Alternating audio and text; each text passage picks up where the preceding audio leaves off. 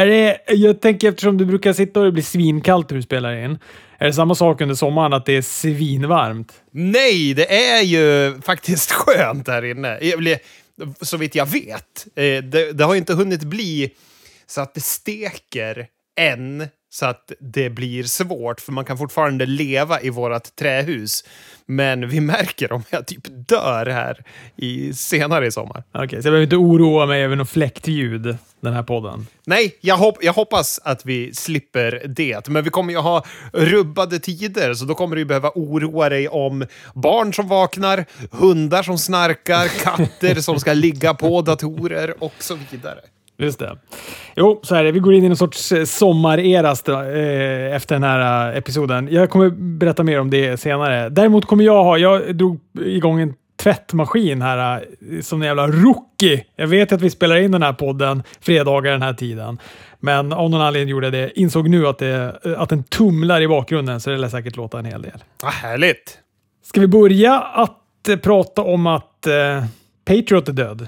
Ja, det slog ju oss idag. Jag träffade faktiskt en av våra lyssnare när jag var och handlade på Coop. Och det första han sa när han såg mig, Patriot. Så att eh, jag har redan avhandlat honom lite på, på Coop idag. Men sa han bara The Patriot och tittade på dig? Eller sa han The Patriot är död? Eller trodde han att du var The Patriot, likt jag trodde att Dave Meltzer var The Patriot? nej, nej, det var inte så. Men det är härligt. Vi har ju faktiskt pratat om Patriot tidigare i år. Just din gamla mix-up där. Nej, men han, han ställde sig framför, framför mig, skakade på huvudet och så sa han bara Patriot. och sen så pratade vi.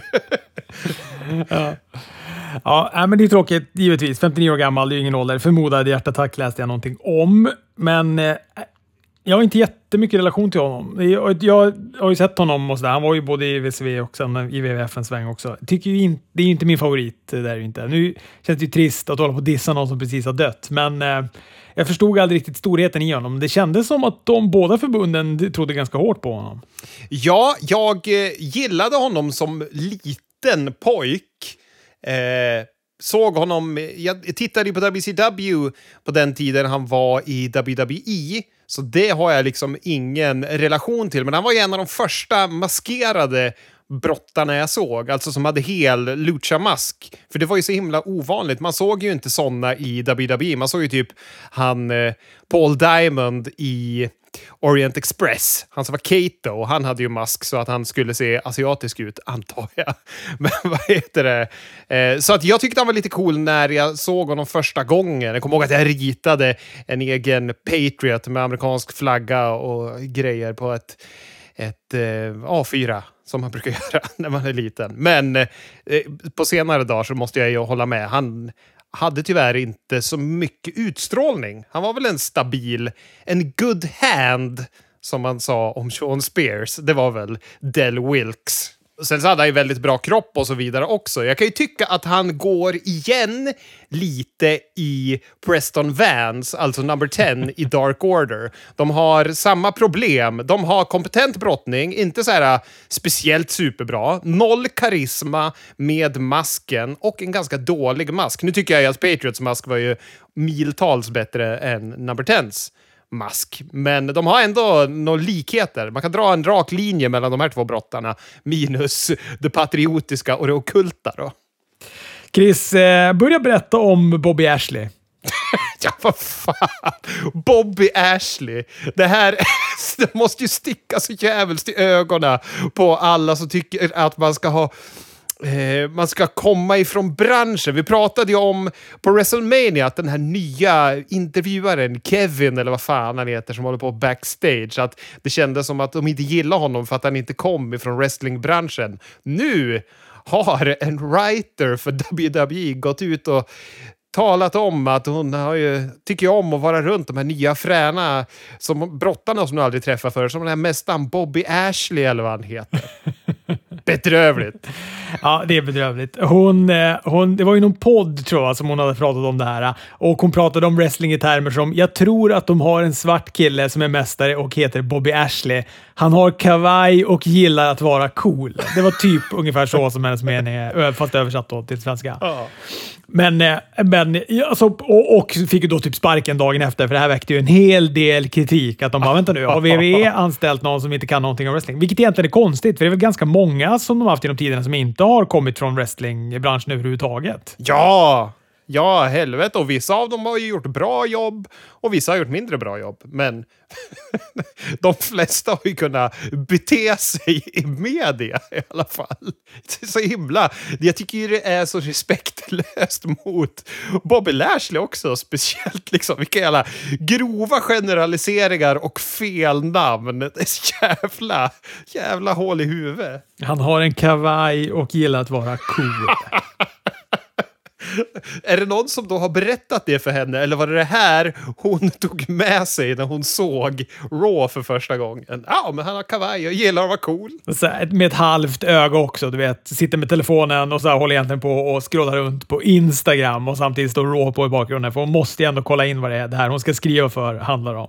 Ja, ja. Sparken fick hon. Apropå det så var det ett gäng som fick sparken typ minuten efter att vi stängde av inspelningen förra veckan. Det haglade namn. Ja, sjukt var det. De kom ju liksom i chok också. Det var som att det gick en löpeld i vilken ordning de fick reda på det själv. Så läckte det ut i sociala medier. Men det var ju jävligt många.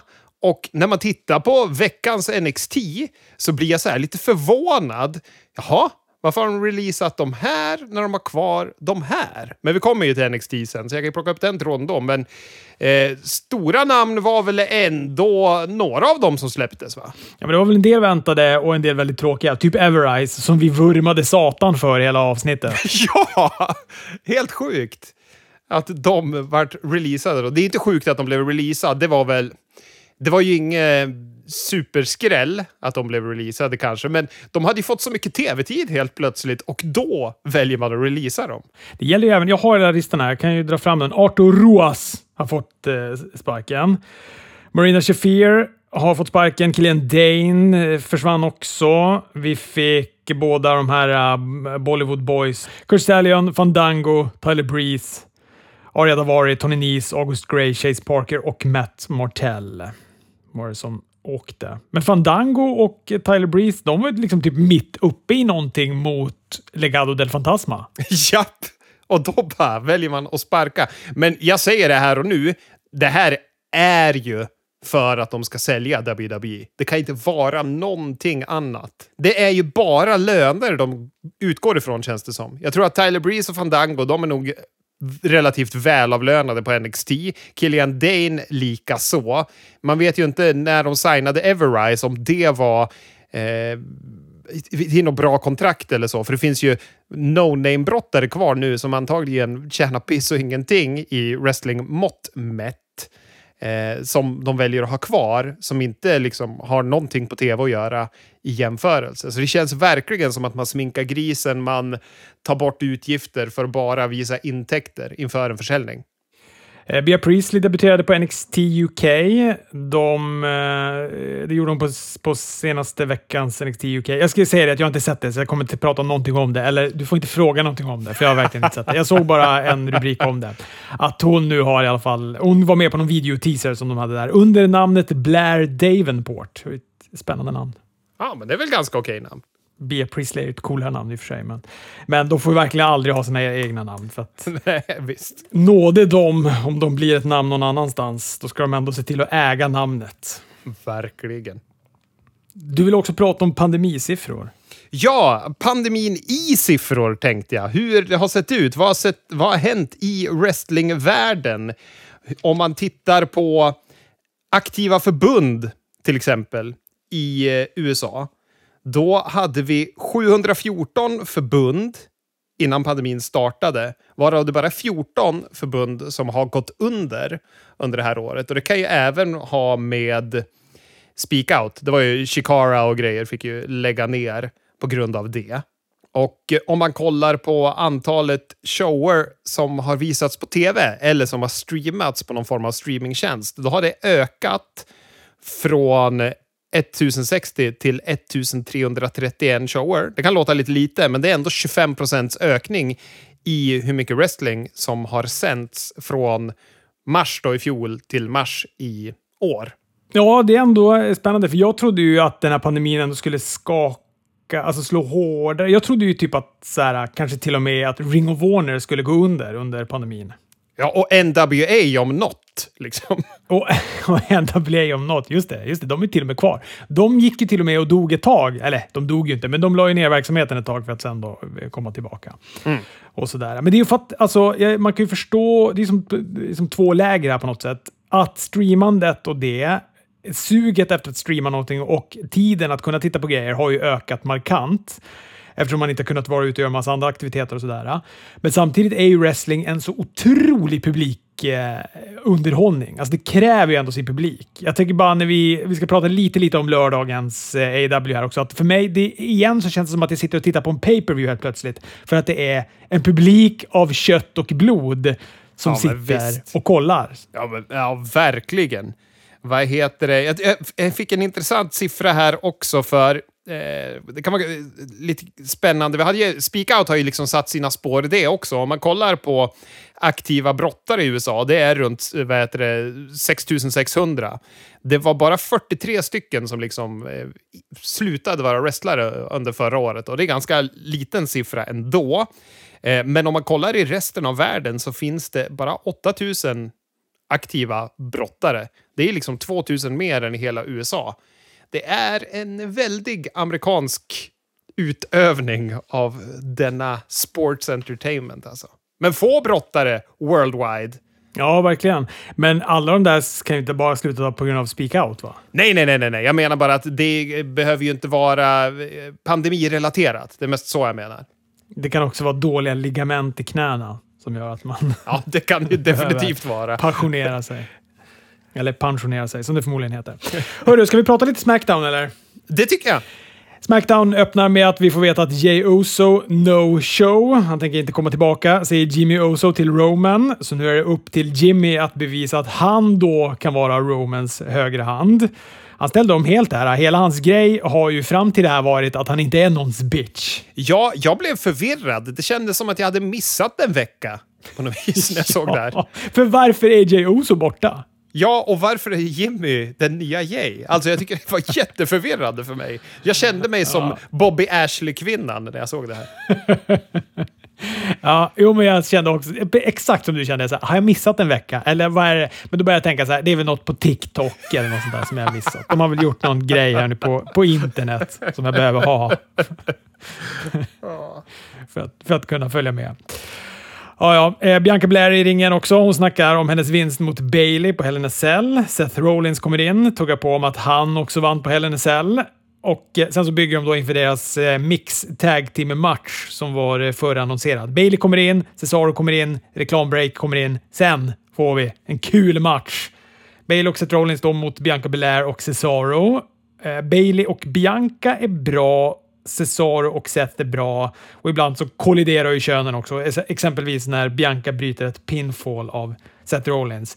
De snubbarna hamnar utanför ringen och stökar. I ringen så sätter då Bianca en spinebuster på Bailey, tar upp henne för en kiss of death. Då glider Seth in i ringen och råkar springa rätt in i Bianca som tappar Bailey. Bailey med ett springande knä och en rose plant och vinner matchen åt heelsen. Det är ju lite synd att de fortsätter med båda de här fejderna. Ja, Cesaro och Seth Rollins kan jag väl tycka att de hade kunnat lägga ner. Men jag tycker nog ändå att Bianca och Bailey har en match till i sig. Det, för å andra sidan så ska väl möjligen en Hell in vara slutstation. Ja, det är lite så jag känner. det har du faktiskt väldigt, väldigt rätt i. Jimmy Uso och Paul Heyman de har ett litet snack backstage. Paul säger att Jimmy borde gå en match som han behöver vinna. Det här säger han aningen passivt aggressivt. Sen ställer han då den retoriska frågan, vill du att jag går och bokar matchen åt dig? Vilket han också går och gör sen då. Pat McAfee, han får en stroke när Boogs spelar in Nakamura till ringen som kröner sig själv med kungakronan han vann från Corbin förra veckan. Det här var otroligt bra. Ja, men och hur kan Pat McAfee först vara kung i NXT som brottare utan att ha brottats förut? Bara komma in och vara heel of the year. Och hur kan han nu vara den bästa kommentatorn de har på alla deras shower? Han bara är kungen han. Han får verkligen en stroke. Han är så glad. Han är så exalterad över Boogs och Nakamura. Och jag förstår han. Alltså det är ju... Alltså, alltså, det är en WWE-grej som verkligen drog jackpot. Det här. Alltså på pappret är Boogs och Nakamura, det är så apart. Men i praktiken, jackpot. Ja, det är så konstigt. Och vem är det som har föreslagit det? Och varför? För det är ju jättebra. Men hur får man, hur får man det här ens ner på pappret och Vince säger “kör”? Ja, men vi har ju pratat om det någon gång förut, va? om att de, det är som att de tar en näve kylskåpspoesi och bara kastar upp det på kylskåpet och så bara okej, okay, de där ska gå, de där blir tag team. Jaha, okej, okay, ja, men här har vi veckans Snackdown. ja. Och det här känns ju verkligen som en sån grej. Bara, ta Boogs och Nakamura hamnar bredvid varandra. Ah, titta, nu ska de vara ihop. Alla bara, men vänta nu, Eh, va? det är så ja. konstigt. Men också är det... Så, så, av, av alla de konstiga grejerna som kommer fram till att de kastar kylskåpspoesi på kylskåpet och ser vad som fäster, så är ju... Ja, men då blir det ibland jackpot. Det här är jackpot. Ja, fan då. Ja, verkligen. Vi får också se då Corbin backstage vara emo. Han tittar på en TV i onaturlig position. Han säger att han haft en bedrövlig vecka. Han har förlorat kronan och halva sin förmögenhet. Har han investerat i MJF Coin tro? Stackarn. I sådana fall kan ju vi relatera. Men det här måste väl vara skönt för dig ändå? Du har ju tjatat på att han inte ska ha kronan och att han behöver paketeras om. Nu är du väl inget fan av Corbyn per se, men vi kommer ju få honom ompaketerad nu i alla fall. Ja, och det ser jag fram emot. Däremot så går det ju rykten om en King of the Ring nu och det känns ju verkligen bedrövligt att de ska dra på en till sån. Nu får de ju då låta han vara King of Strong Style ett bra tag. Här. Ja, det är ju, det är ju bra gimmick. Den, den funkar ju i alla fall. Det skulle inte förvåna mig om det är en King of the Ring som Corbin vinner och så ska de ändå gå någon sorts... Så ska de unifiera kronan. Två kronor hänger ovanför en stege. Oh, skjut mig. Ja, eh, Seth Rollins eh, går till Adam Pearce och Sonja Deville. Han gör anspråk att få aspirera på universaltiteln. Sonja och Adam de säger att de inte riktigt är redo att fatta det beslutet än. Money in the Bank, kvalificeringsmatch. Apollo går mot Big E. De går en ganska bra match. De gör vad den ska i kvalificeringsmatch syfte på TV. Aziz lägger sig i, knuffar Big E in i kravallen, laddar för en spik, men domaren fångar tummen i svunget och avvisar sen Aziz från platsen. Så här slipper vi en DQ och det är ju alltid någonting. Ganska omgående så sätter Big E en big ending och vinner matchen. Ja, de har ju mött varandra lite mycket, de här. Jag tycker att det börjar bli...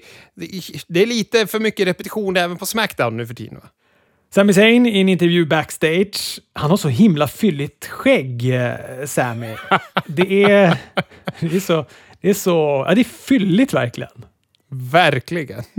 Han är också glad över vinsten mot Kevin Owens, men glädjen varar inte särskilt länge när han får veta att han nästa vecka ska gå en, en eh, kvalificeringsmatch mot just Kevin Owens. Vad hände med att Kevin Owens skulle ta time off? Jag vet inte, såg du att WWE la ut en bild på honom med citatet att det är dags att eh, ta lite tid borta eller liknande? Nej, det har jag missat. När gjorde de det?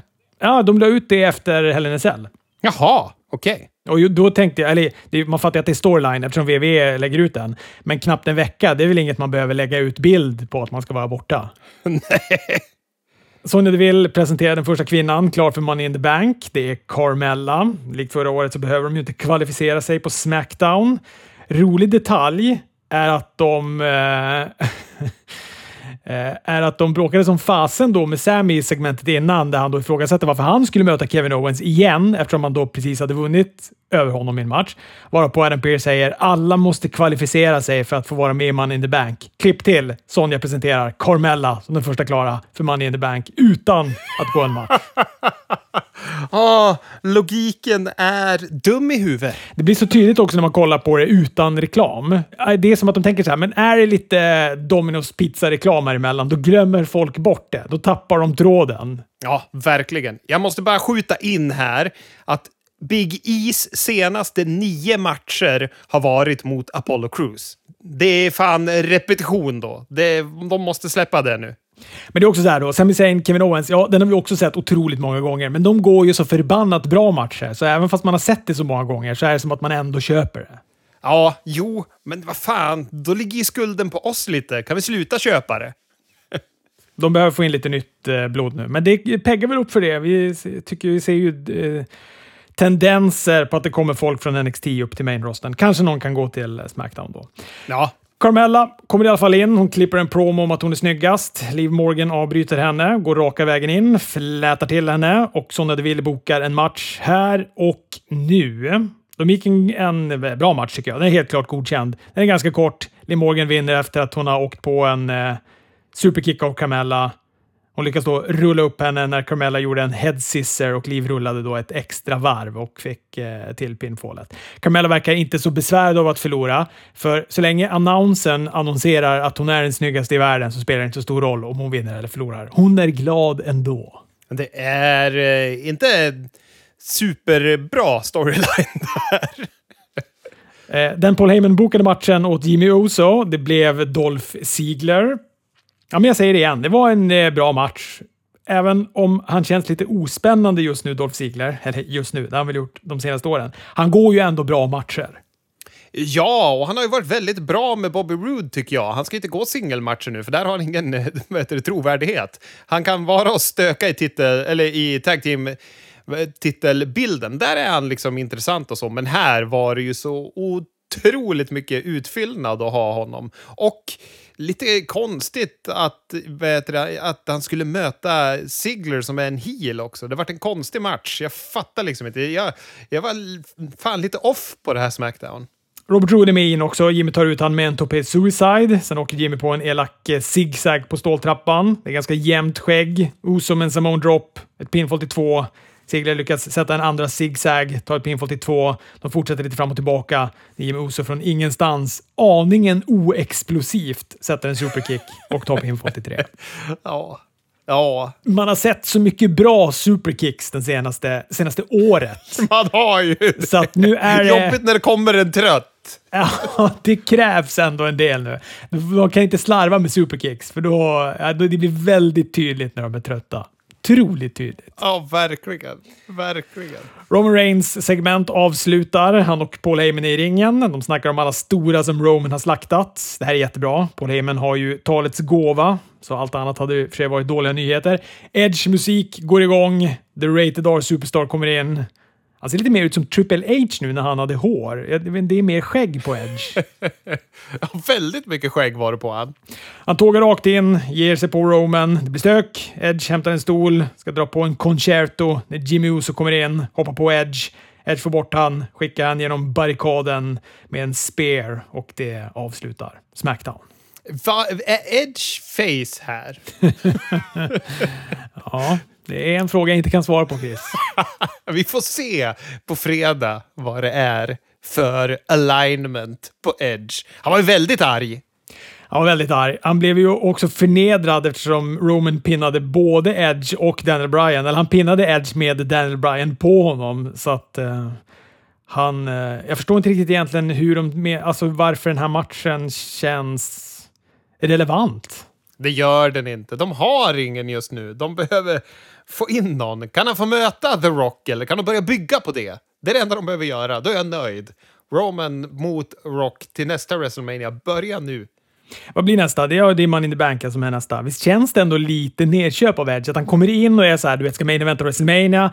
Ah, sen börjar de dra lite handbromsen, märker på att det här kanske inte blir så bra ändå. Vi får ändå trycka in Daniel Bryan i den här matchen också. Och så nu är det liksom bara att han ska vara ett motstånd i väntan på någonting annat. Något annat stort till SummerSlam på någon vanlig bara så här ah, halv pay-per-view som Money in the Bank är.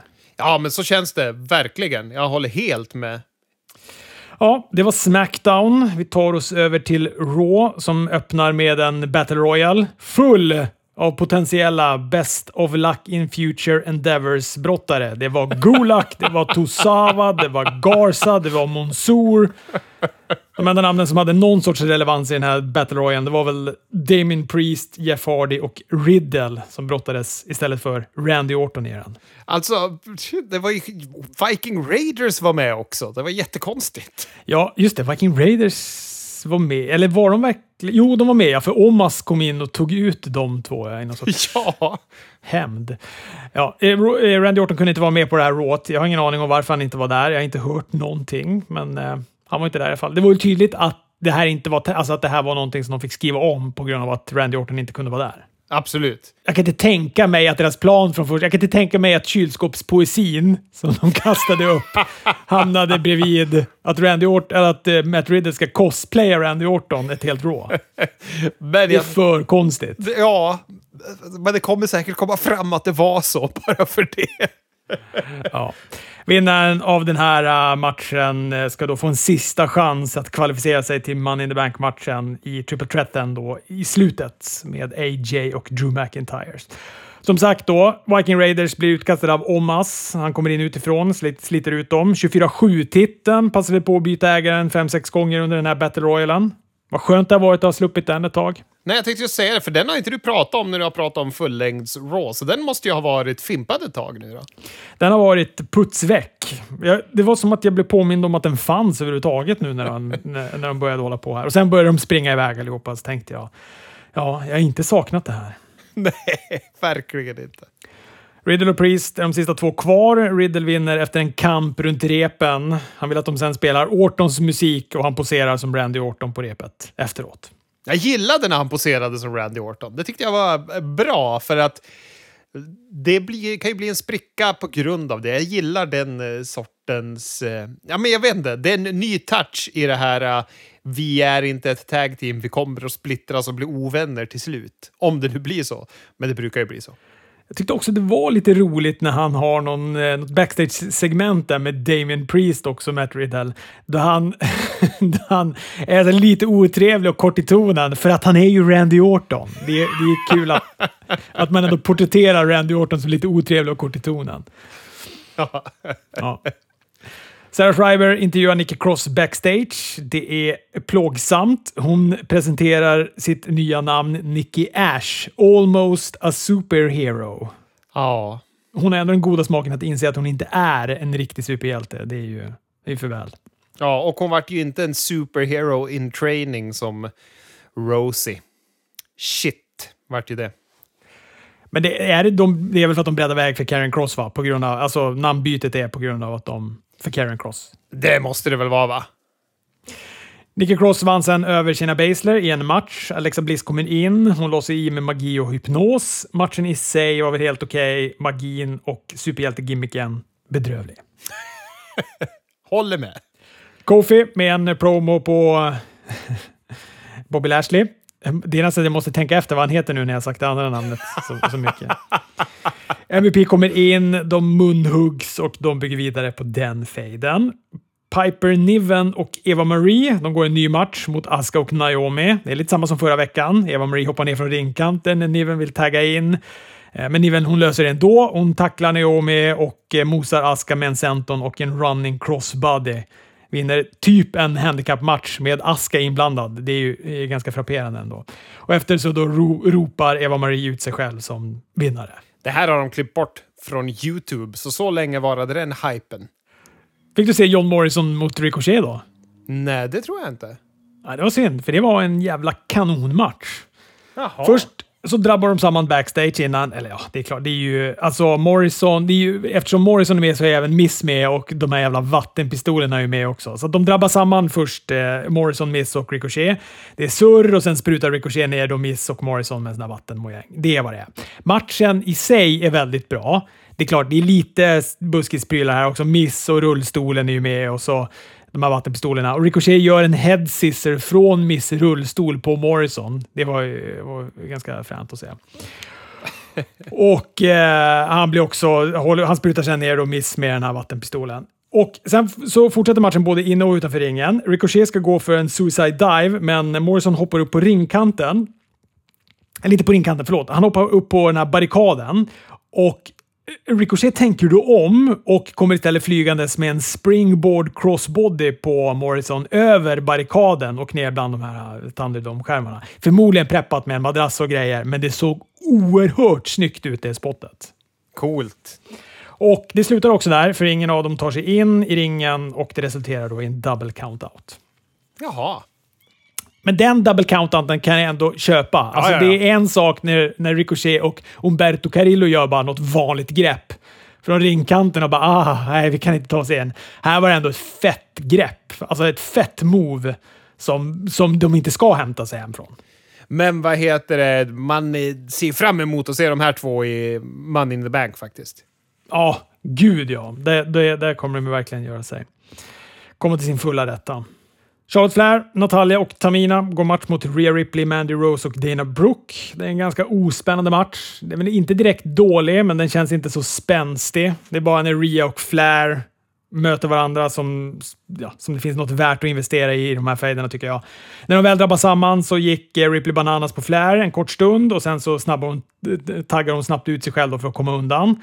Mandy och Dana med något dubbel team move med handvolt på Natalia och tar pinfall. Tamina bryter sen pinfallet. Ripley tog ut Tamina med en dropkick. Flair dyker ner i knävecket på Ripley bakifrån. Nat Natalia band sen upp Mandy i en sharpshooter, men hon lyckades ta sig ur. Eh, Flair med blind tag och en big boot på Mandy Rose och vinner matchen.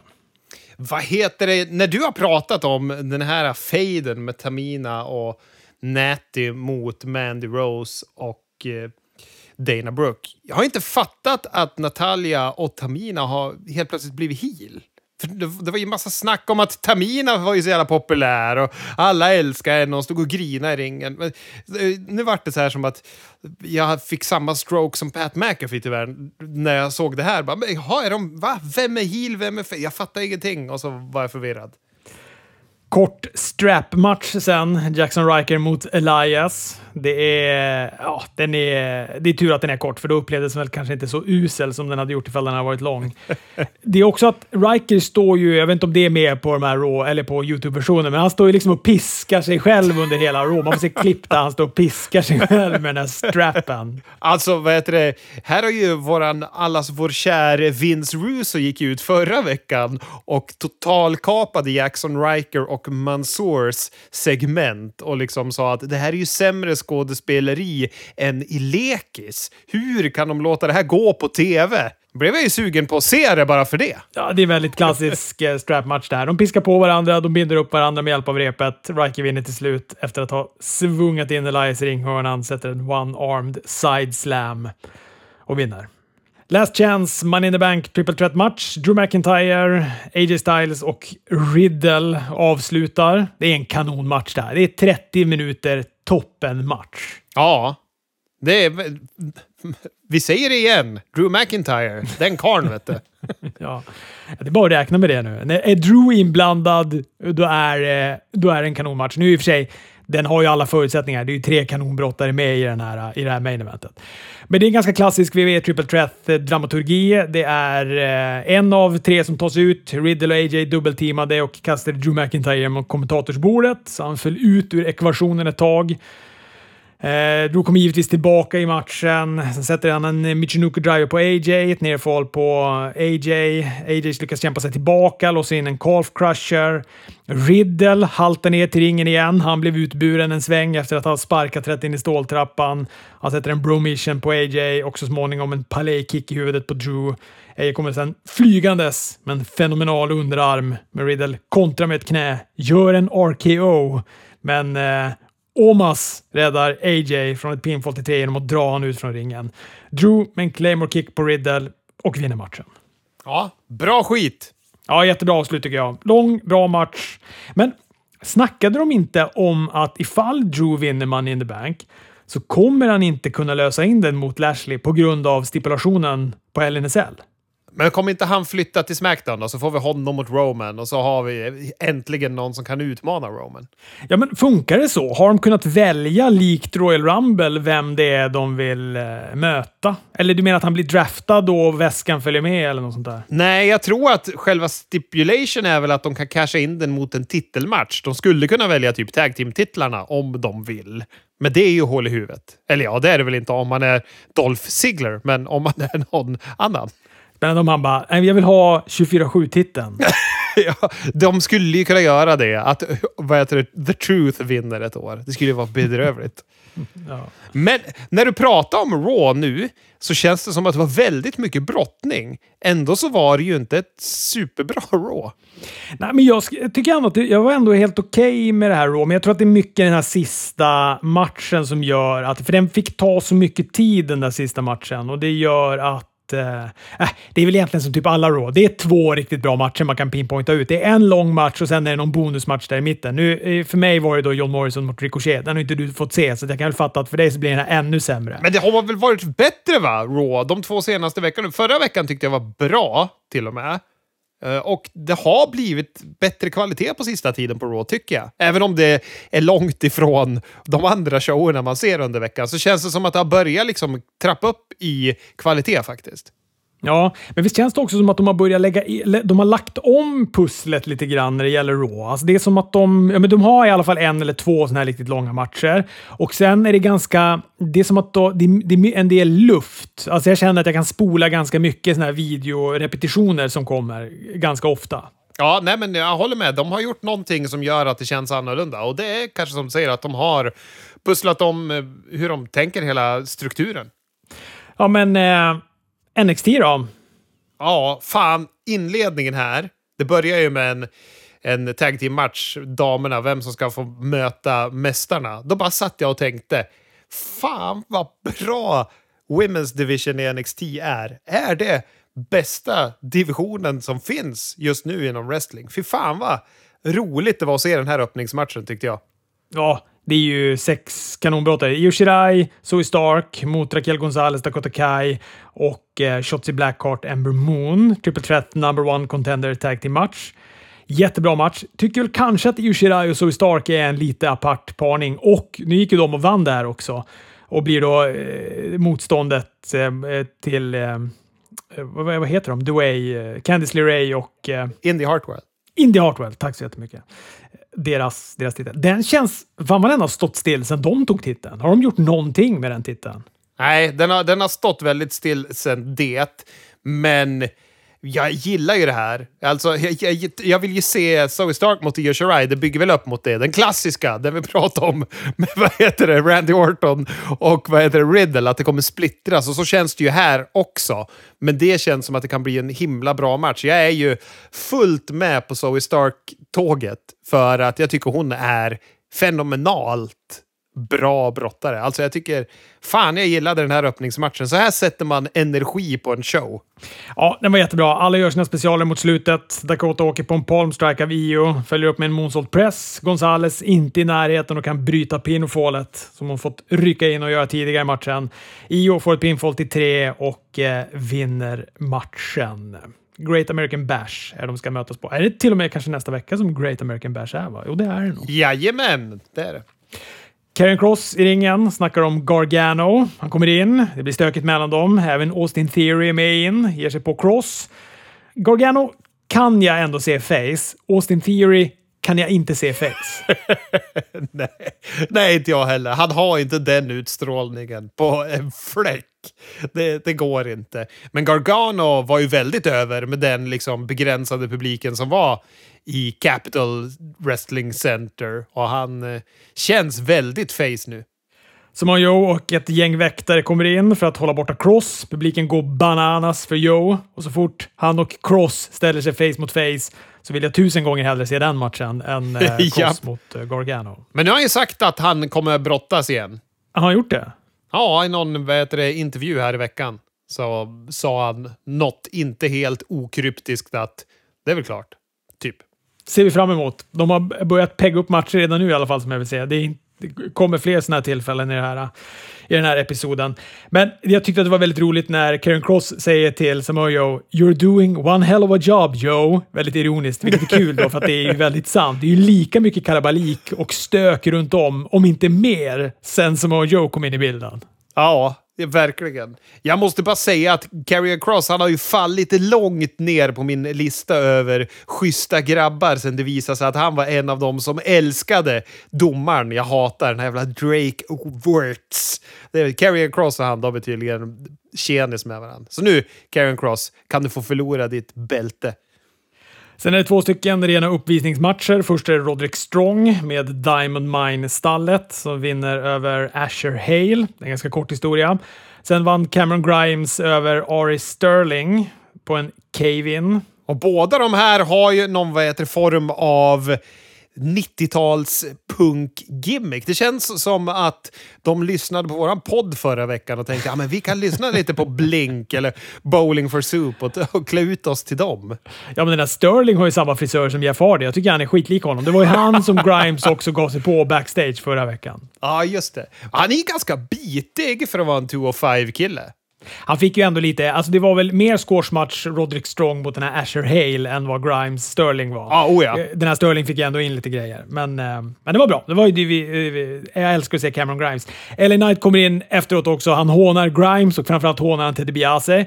Grimes utmanar då LA Knight i en match för Million Dollar Man-bältet. Men LA Knight, han är sådär sugen på det. Däremot är han sugen på en butler, likt DeBiase hade Virgil.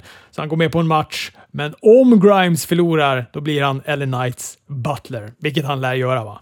Ja, det är väl det enda sättet att få ut något roligt av den där grejen. Alltså, fan, jag tycker han gjorde en jättedålig promo här, LA Knight. Jag var jätteglad att Cameron Grimes i alla fall var med. Jag tyckte att det saknades någon glöd i det han sa. Och, äh, jag vet inte, han kändes osäker på något vis. Nej, men det, så där kommer det bli. Han kommer förlora och han kommer förlora på något fult sätt.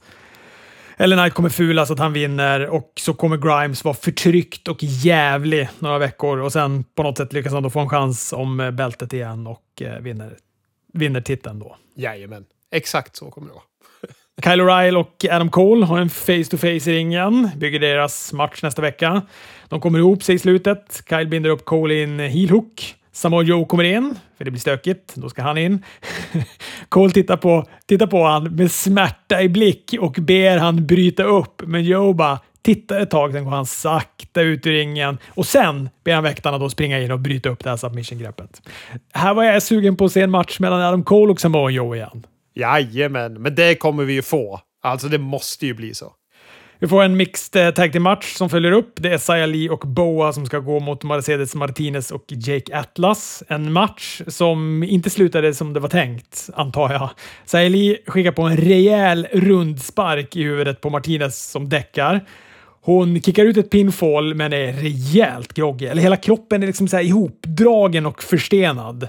Yep. Och domaren kollar till henne ett tag utanför kameran och sen så stänger hon matchen och Saeli och Boa blir vinnare. Så jag antar att de skulle ha vunnit, men på något annat sätt. Då. Inte på en shoot-KO. Nej, och vad heter det? Den här vad heter det, skrev ju du om innan jag såg den, så när jag tittade på matchen då trodde jag att den första sparken Sayali gör är den som knockar. För då hamnar hon ju också, då träffar hon ju och vad heter det, Mercedes Martinez hamnar ju i fosterställning på backen direkt då också. Och har liksom svårt att eh, hantera sig när eh, hon blir stampad på i hörnet. Hon bara sitter där och domaren är ju och, och ska bryta redan då. Så att jag tror att hon var groggy redan där. Och sen så när den här sista sparken kommer, då är hon ju... Hon har inte ens skuldrorna i backen när de ska räkna pinfon. Hon är ju så otroligt knockad. Hon fick ju vad heter det, hjärnskakning också av det, såklart. Så nu blir hon ju borta. Det ser så jäkla obehagligt ut när de är sådär ihopdragna. Alltså man ser ju det när hon ska ta pinfall och ska lägga ner henne med axlarna neråt. Att hon, det enda som hon typ förmodligen kan kommunicera i huvudet är jag ska ju bryta det här. För du vet, hon, det är som att hon börjar bryta pinfallet innan hon ens har hamnat i ett pinfall. Och, äh, hon är verkligen inte med i matchen överhuvudtaget. Nej, och vad heter det? Man ser även på Sayali att hon ser inte ut att tycka det är speciellt roligt när hon står och har vunnit matchen heller. Hon ser helt bara shit, vad har hänt? Ja, hon gråter ju. Man ser ju ser att det rinner tårar från ögonen på henne. Ja, shit. Nej, är inte helt ofarligt denna kära sports entertainment inte. MSK och eh, Timothy Thatcher, Tomasa Champa hade en eh, face-to-face inför deras möte nästa vecka. Det här var bra. Jag gillar att Thatcher ballade ut när MSK gav sig på dem medan Champa behöll lugnet och klippte sedan en avslutande promo en millimeter från Wesleys öra. Den här matchen kommer bli något vansinnigt bra tror jag. Ja, fan det är kung. Vilken, det här också. Den här parningen visste man inte att man ville ha som tag team innan man fick den. Och det är så jävla bra. Sen händer det något märkligt. För det första så har vi fått se Gargano och Austin Theory lämna Capital Wrestling Center tidigare. Men nu är vi på parkeringen och där eh, blir plötsligt då Karen Cross påhoppad av Gargano och Austin Theory. Och trots att eh, det är liksom utmanaren av världsmästartiteln plus en till, det vill säga en, två mot en, så är det inga problem alls för Karen Cross att dunka dem till reducerat motstånd. och sen sätter sig Cross i bilen, åker därifrån, varpå Samoa Joe tar Gargano i nackskinnet och släpar in han igen. ja, ja. Ja, vad ska man säga? Det men känns det som att Gargano kommer vara ett tufft motstånd mot Karen Cross, tycker du? Nej, verkligen inte. Det är ju... Ja, man blir ju ledsen när det är så här. Det är ju tur att man vet att Gargano är en så jävla toppbrottare, för att man vilar ju lite på att, eh, att han ändå kommer gå en bra match. Att han kan göra en bra match med Karen Cross. Ja, oh ja. Det slog mig när han kom in och körde promon mot Karen Cross när de var inne i arenan att han, likt Adam Cole, går ut och snackar skit om Karen Cross förmåga att brottas. Hur mycket bättre de är än honom, att han är en begränsad brottare. Det är fan hårda ord mot den begränsade Carrion Cross. Sen är det då det här då, ifall det nu är så att de håller på att bredda plats åt Karen Cross på main rostern. Ska då Gargano ta titeln av honom? Nej, fan. Det kommer väl Finn Balor tillbaka och göra eller något. Är det han som är det här batteriet som laddas upp? Eller vem är det? jag vet inte. Men eh, snabbladdning my ass. Alltså det, går, det har laddat länge, det batteriet. Ja, det har ju det. Men vi borde väl få veta till veckan vem det är. För vi är på 70 procent, va? Det här NXT. Main eventet, Sizewell Scott flankerad av Hitrow mot Bronson Reed om North American-titeln. En jättebra match, trots interference-avslut. Jag är ändå helt okej okay med det. För det här stärker Heathrow som relativt nya och Bronson Reed behöll ändå sitt anseende trots att han förlorade den här matchen. Håller helt med. Och vilken jävla bra faktion de här är tycker jag. När de står runt ringen också och bara dunkar på ett så här äh, jätteirriterande sätt som man vill att de ska göra. Det är bara svinbra det här tycker jag. Jag tycker det är härligt att se eh, Isaiah Swerve Scott med en titel också. Jag tycker att det är bra att Bronson Reed förlorar den med liksom äran i behåll också. Vi kommer säkert få se de här mot varandra igen. Bronson Reed skickade på en Bionic Elbow, en Belly Splash, en Senton och gjorde sig sedan redo för en Tsunami. Topdolla fångade domarens uppmärksamhet samtidigt som Ashanti Diadonis passade på att putta ner Bronson Reed från ringstolpen. Bronson tröttnade på båda, kastade Topdolla över barrikaden och genom plexiglaset och skickade även över Adonis där strax efteråt. Så Scott fångar upp Bronson Reed när han är på väg in i ringen igen med en hoppspark på kindbenet så Reed blir hängandes över nedersta repet, sätter en 450 splash men Reed med Reed fortfarande hängandes över repet, tar täckning till tre och blir nya North American-mästaren. Ja, bra. Bra! Kul! Kul att det är titelbyte så här på en, en eh, vanlig tisdag också. Verkligen, och jag tycker det var ett väldigt bra NXT. Jag gillar fan NXT skitmycket just nu. Jag tycker det är bästa showen som går på veckorna. AW tillbaka på onsdag. Nu har vi ju fått mycket AW. Eh, det har ju varit en i lördags förra veckan. Den har vi inte pratat om. Också nu då i onsdags eh, den här veckan. Vi ska väl fokusera på det som gick nu i onsdags. Eh, mycket av det som var i lördags byggde ju då för den här onsdagen. Sammy mot MJF, Bucks mot Eddie Kingston Penta, Miro mot Brian Pillman Jr och så vidare. Men vi ska prata om Jungle Boy mot Omega. Jag vill också säga att Hangman Page mot Powerhouse Hobbs i lördags var en jävla kanonmatch, tycker jag. Ja, ja, fan. De har gjort allt rätt med Hangman Page sen de gjorde tokfelet i början och superpusha honom och håsa upp honom mot att bli världsmästare alldeles i början. De gjorde jättebra som drog i bromsen, sen har de byggt upp honom till en jävla superstjärna och han levererar ju med karisma, med matchkvalitet, med allting och Powerhouse Hobbs, jävla vilken utvecklingskurva det är på honom.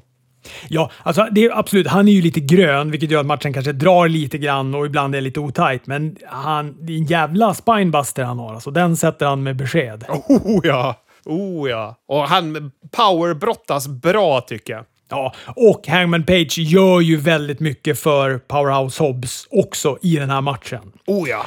Hook och Starks kommer in med den här sumpiga FTV-titeln, men hann inte göra så mycket innan Brian Cage kom in, fick ut Starks. Page undvek sedan en springa, springande crossbody, sätter en suplex, märker Tyskland, en dead-eye och vinner matchen och skålar i öl. Jätte, jättebra startmatch. Ja, absolut. Och Ethan Page gick sen också en cool match mot eh, Björnbröderna där. Jag kommer inte ihåg vem det var. Var det Bear Bronson han gick mot? Va? Jajamän, Ja. Bear Bronson var det. Vad heter den andra? Balder? Boulder? Boulder. Boulder, ja. ja. Och efter den här matchen så utmanade han då Darby till en coffin match. Det känns som en helt rätt match att ha Darby Allen i. Jag blev svinsugen när jag hörde att det skulle vara en coffin match. Ja, jätte, jättebra. Ja, men det var ett bra avsnitt i lördags. Det kändes som att de hade växlat upp igen. Sista matchen då, Jungle Boy mot Kenny Omega. Jag hade ju hoppats på att den skulle börja efter klockan 03. Jag satt och såg det här live. Så där man hade fått då en timmas utrymme, men de var inte igång förrän när det var typ 25 minuter kvar på, eh, på, på Dynamite. Här. Men vilken matchjävel det var. Den var kalas.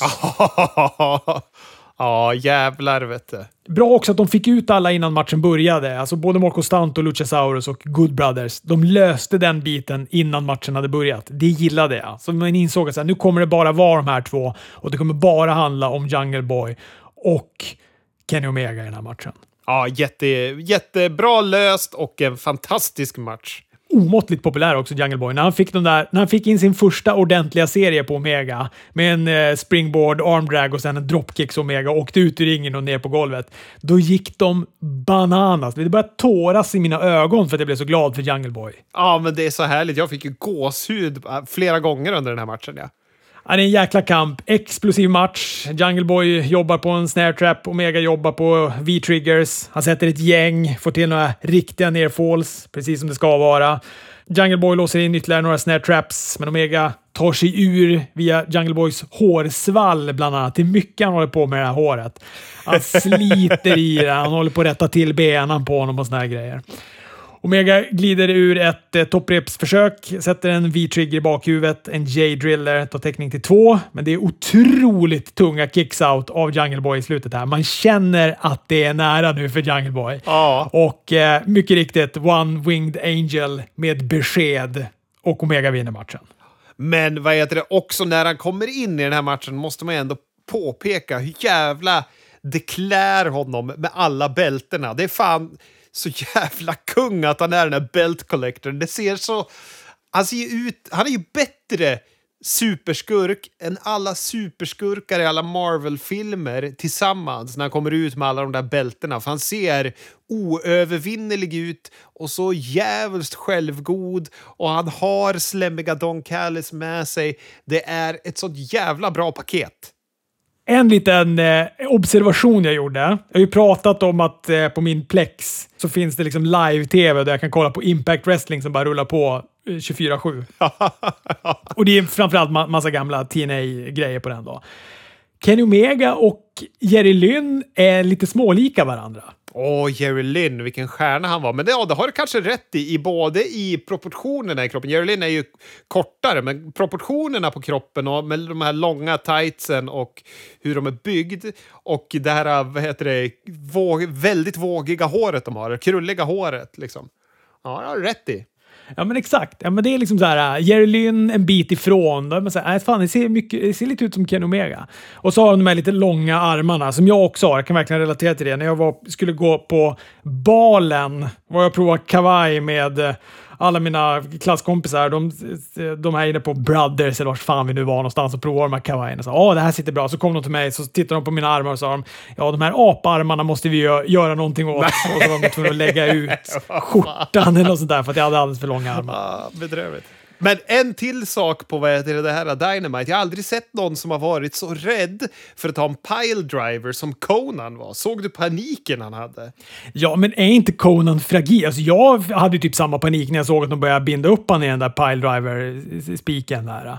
Alltså, är inte han ganska fragil? Ingen aning, men de måste ju ha pratat om det innan, men det såg inte ut som det. För han började liksom måtta huvud, knä, huvud, knä, vart är det, vart är det, vart är det? Han liksom var helt panikslagen stackarn. Ja, jag förstår han. För fan att göra de där jävla piledrives. Vi får ju en också från andra topprepet. En Avalanche Oh, Tombstone sen av ja. MJF och det är ju helt sjukt att se alltså. Ja, Det är ja. vågat ändå att de låter folk göra de där grejerna. Aj, den, alltså då fick jag fan en sån här sug i magen. Jag, jag litar på att eh, FTR kan göra en vanlig piledriver. Enligt Lance Storm har jag hört att det är superlätt att göra en piledriver så länge du har feta lår. Då kan du inte skada någon. Och de har ju ganska feta lår ändå, FTR, så att de känns ganska säkra. Men när MJF gör en när man landar liksom på knäna från topprepe, helvete heller. Oh. Men det är också, men Conan vad bra han var på micken. När han hade det här med Tully Blanchard. Han är ju... Ja, fan, det är synd att han är gammal och sliten. För att hade han varit li, i lite bättre vigör hade det här varit lite bättre också. Att ha honom liksom i Proud and Powerfuls corner. En sak till också om main eventet här. Det, för mig hade det gärna fått sluta efter att Kenny Omega vann matchen. Det, de hade kunnat hoppa över det här att Christian och Matardi ska komma in och börja bygga sin fade mitt i liksom Jungle Boys största match.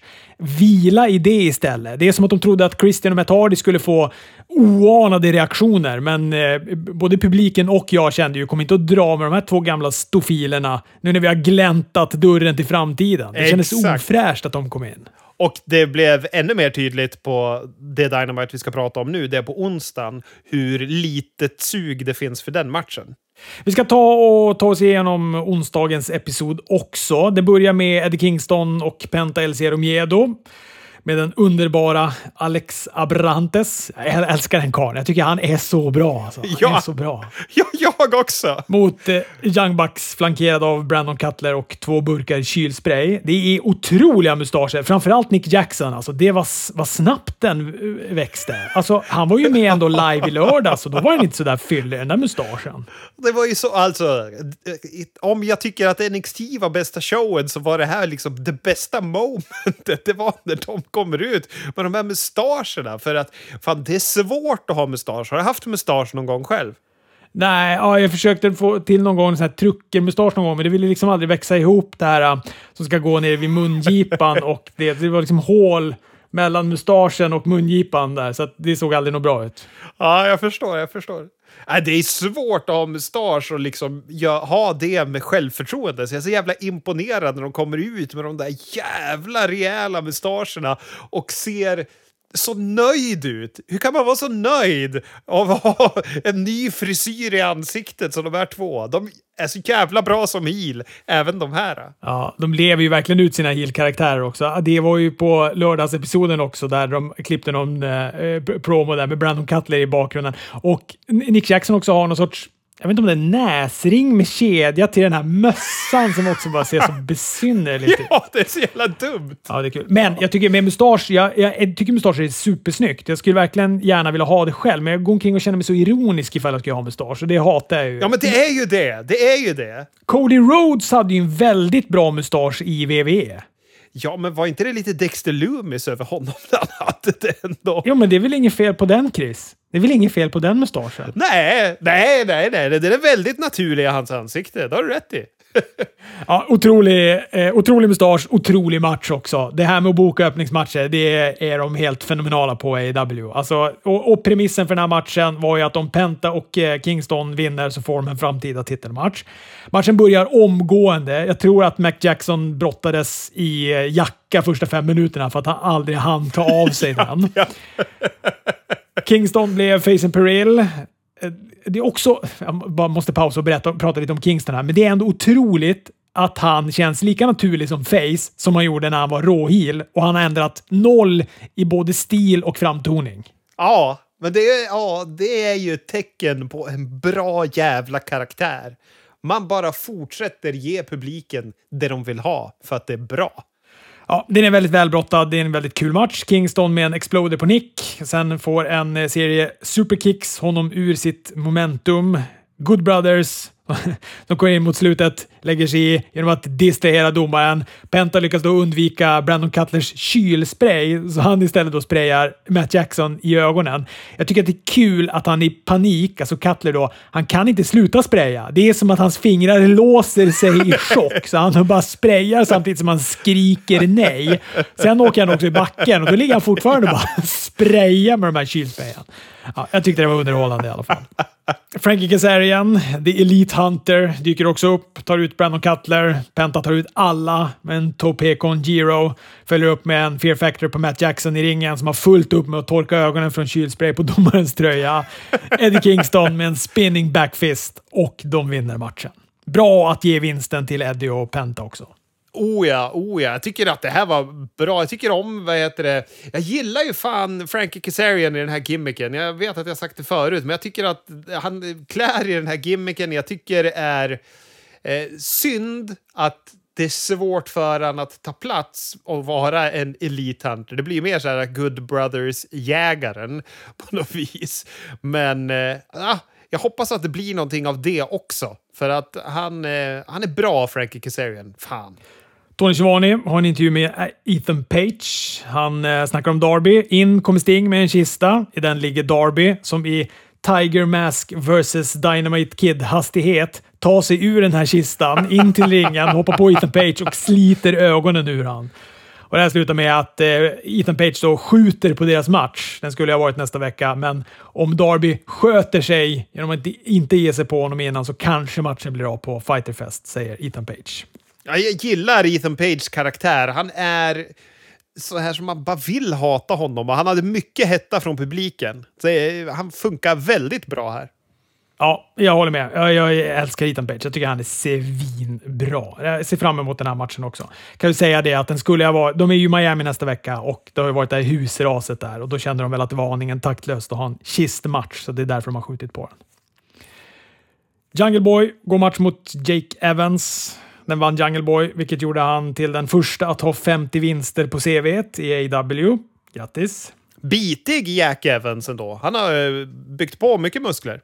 MBF i ett videosegment. Han klipper först en promo på Jericho. Han kommer nästa vecka ta med sig ett ark med stipulationer för en sista match mot eh, Chris Jericho. Sen så graviterar han över då till Sammy som är då kvällens main event. Säger att han ska ta ut sitt vrede han känner för Jericho på Sammy ikväll. Ken Omega kommer till ringen i Lemmy Killmeister-mustasch. ja. Mycket mustascher på den här episoden. Han har en intervju med Tony Schiavone. Nu finns det ingen kvar att möta, säger han, så nu ska han ta lite ledigt.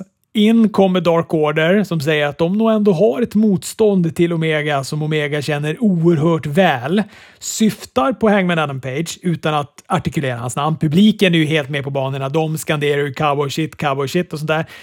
Omega säger att, att eh, om det är den han tror att de menar så är han ganska säker på att han inte uppskattar att de pratar i hans ställe. Plus att han då inte tror att han har the guts att möta Kenny Omega. Jag tyckte det här var snyggt. Ja, bra skit. Ja, väldigt snyggt. Jag blir lite så här, vad fan, Andrade då? Som har kommit in och kört promos om att han ska gå titeln. Det bara pissar de bort. Han kör något liksom, det är lite som när Jericho fejdade mot Goldberg fast han inte fejdade mot Goldberg egentligen för Goldberg inte ville. Det är så jävla det är underligt det där. Men jag tror att det är för att det här, en, det här kommer vara en slow build. Jag tror, jag, det är snyggt att Hangman Page inte kommer in här. Och de kan sakta men säkert låta det här puttra på. För att vi hade det här segmentet sen med Dark Order där de pratade om att Nej, men du, du, är nog bara, du är bara nog rädd för att misslyckas. Du vet, nu, nu kommer du hålla på att bottna i det ett tag och han ska stärka upp sin självkänsla och sådär. Och det är bra tycker jag, för absolut att Hangman Page ska ta den där titeln, men jag tycker inte Kenny Omega ska förlora den än på ett tag. Nej, det tycker inte jag heller. Och så här, en slow build är ju den bästa bilden. Och de här har ju så mycket historia och grejer. Fan, tänk när vi får se dem explodera. Den jävla matchen och den publikhettan. Allting. Fy fan. Miro går match mot Brian Pillman Jr. om TNT-titeln. Det var en ganska kul match tycker jag. Miro med en dominerande seger. Pillman hade några chanser, men fick sen en stamp i ryggen och låstes in i en game over och slocknade. Bra med ny låt på Miro och fan vad det känns som att eh, det var behövligt med titeln till honom och nu är han ju faktiskt ganska bra. Nu är ju matcherna bra, han är underhållande, han har hittat sin karaktär. Så skönt. Britt Baker och Rebel går match mot Nyla Rose och Vico Guerrero. Den var hemsk, den här matchen. Det var den. ja. Rebel fick också knät ur led i matchen efter att hon bröt pinfallet. Jag vet inte om du, ja, om du såg det. Det gick väl inte att inte se. Hon kan ju inte röra sig efteråt. Och sen får ju Nyla Rose typ, ska väl gå och göra något grepp på henne. Men uh, man ser ju att hon kan inte röra sig en millimeter, Rebel. Nej. Då skjuter de ut henne ur ringen och uh, sen så, uh, ja, sen så vinner då Britt Baker matchen genom att sätta en lockjaw på på Vicky Guerrero. Sen får hon också, man ser, doma, man ser Britt Bakers mun till domaren när hon håller upp, eh, när han håller upp hennes arm i vinst så säger hon “check on rebel” och domaren bara Hå? och så dyker han ner. Ja, nej, det här var, även om vad heter det, skadan inte hade skett så hade det här varit ointressant och den här fejden gör ingenting för mig. Jag tror det var Sebbe som skrev det, för efteråt så sätter ju då eh, Naila Baker genom ett bord för att då bygga vidare på deras fade. Men det är nästan så att jag, eh, alltså jag blir bara mindre och mindre sugen på att se den här matchen. Jag blir mindre och mindre sugen på att se den. Ja, nej, jag är, har noll sug för den här matchen överhuvudtaget. Daz kommer in med den underbara nyheten. 14 juli så kommer Brian Cage sätta den sumpiga FTV-titeln på spel mot den medicinskt godkända Ricky Starks. Så det är kul att han är tillbaka i alla fall. Ja, det är kul. Och du vill ju faktiskt att han ska försvara titeln så det blir en riktig titel. Så här, varsågod. Nu får du det du önskat. Main eventet, MJF mot Sammy Guevara, som var en fenomenal match. Jag tyckte den här var hur bra som helst. Ja, svinbra var det. Det var ju på något sätt mer old school än vad man kan tro också. När det är de här två unga och man tänker Sammy Guevara bara en spot monkey på många sätt. Men det var ju en, ja, den överraskade med att vara svinbra. Älskade den här pinfall-knuten som de fick till. De åkte runt och tog liksom 36 pinfalls på varandra och sista pinfallet var på båda, så domaren bara tog båda händerna och räknade till två och en halv. Det var väldigt, väldigt roligt. japp, japp. Nej, men underhållande match. Eh, MJF fulade när han kunde. Sammy gjorde fräna spots när han kunde. Publiken älskade dem. MJF ja, gjorde också fräna spots. Den här Tombstone, piledriven från andra repet var galen, som sagt. Den har vi pratat om. Ja, ah, fy fan. Flera, flera nerfalls mot slutet. Eh, sen tågade Sean Spears in. Chris Jericho som har suttit i kommentatorsbordet hela kvällen sprang ner för att hindra honom lägga sig i. Då kommer Wardlow bakifrån, hoppar på Jericho, vilket distraherar domaren. Sean Spears passade på att köra en stol i huvudet på Guevara och MJF kunde hasa sig över honom och ta ett pinfall till tre. Ja, riktigt bra match. Och eh, det var interference slut, men jag, fan, det, det, det klär Pinnacle att vara de här som kommer undan precis, med nöd och näppe. Så att jag, jag är helt okej okay med det. Ja, ja, jag håller med. Det är ju inte ett DQ-slut och det är inte en double count-out och det är ju alltid bättre än det. Och de vill skydda MJF och Sami ska inte förlora rent, så att jag, jag förstår dem. Ja, verkligen. Men eh, fan vad skönt det var med publik. Det är två shower på raken med AEW. Ja, alltså nu måste ju WWE ur det jävla Thunderdome så vi får en riktig publik där också så att det kan bli... det blir så jäkla skillnad när det är publik. Ja. Men hur mycket, hur många Raw är det kvar nu innan det blir publik där? Borde inte det, borde inte det bli nu snart? Är det inte... Fan, jag har ju någon, antingen 8 eller 18. Jag ska ta upp kalendern här och se vad det kan vara för... Ja, men den 18 är ju en söndag. Det är Money in the Bank. Det är första showen med publik det. Då kanske det är Raw... Är det Raw efter det då som är den första Raw med publik då förmodligen? Ja, exakt. Men vad heter det? Fan, redan nästa vecka så är ju AEW på resande fot. Hur många kommer dyka upp liksom? Det är mycket frågor man har nu när det börjar bli den här resande cirkusen igen. Ja, för eh, Daily's Place är ändå Daily's Place. Det ser, även nu, ibland så drar de ut någon sorts eh, vidvinkel på det och man ser att Daily's Place har ju väldigt mycket publik på höjden känns det som. Det är som flera höjdsektioner med väldigt mycket folk, men man får ju inte riktigt den känslan när de filmar runt, eh, runt ringen och sådär. Nej, nej. Men eh, vi, vi får väl se nu då när de ska ut, som sagt, på de här lite större ställena och se hur mycket publik det letar sig in. Lät som de hade blockat av ändå på på Miami-showen eftersom de sa att de nu hade öppnat upp och släppt mer eh, biljetter. Så då låter det som att de har haft något liksom, ja men om vi blockar så här mycket av arenan då ser det bra ut. Men då har väl det sålt slut så då har de öppnat upp lite mer. Så att eh, förhoppningsvis är det ju en hyfsad publik. Sista fem minuterna på, av det här Dynamitet lägger de ju också på en videohyllning av Daily's Place. De är, packar väl ihop pandemieran. Det är en oerhört eh, bra video det här. Och Ja. fan vad mycket det är som har hänt under de här två åren. Och vad bra de har gjort det i W. Ja, verkligen. Och jag tycker att det var väldigt smakfullt och fint av dem att göra det här. De tackar ju fansen på något vis med det där, men även alla brottare och det de har gått igenom. Och fan, det känns verkligen som att de har byggt en så här, familjär känsla med varandra, men även att de har bjudit in fansen i den känslan. Det är ett väldigt liksom så här familjärt eh, förbund på något vis. Ja, det var fint när de tackade av pandemieran, eller vad man nu ska kalla dem. Och hörni, vi ska ta och eh, tacka av för den här podden också för den här veckan. Vi går in i sommareran. Jag kommer vara borta lite. Vi kommer få göra lite, eh, vi kommer mixa lite med inspelningsdagar. Du var inne på det tidigare. Möjligen kanske någon vikarie också. Din källa Anders gör comeback. Det ser vi fram emot. Jajamän! Hörni, vi hörs.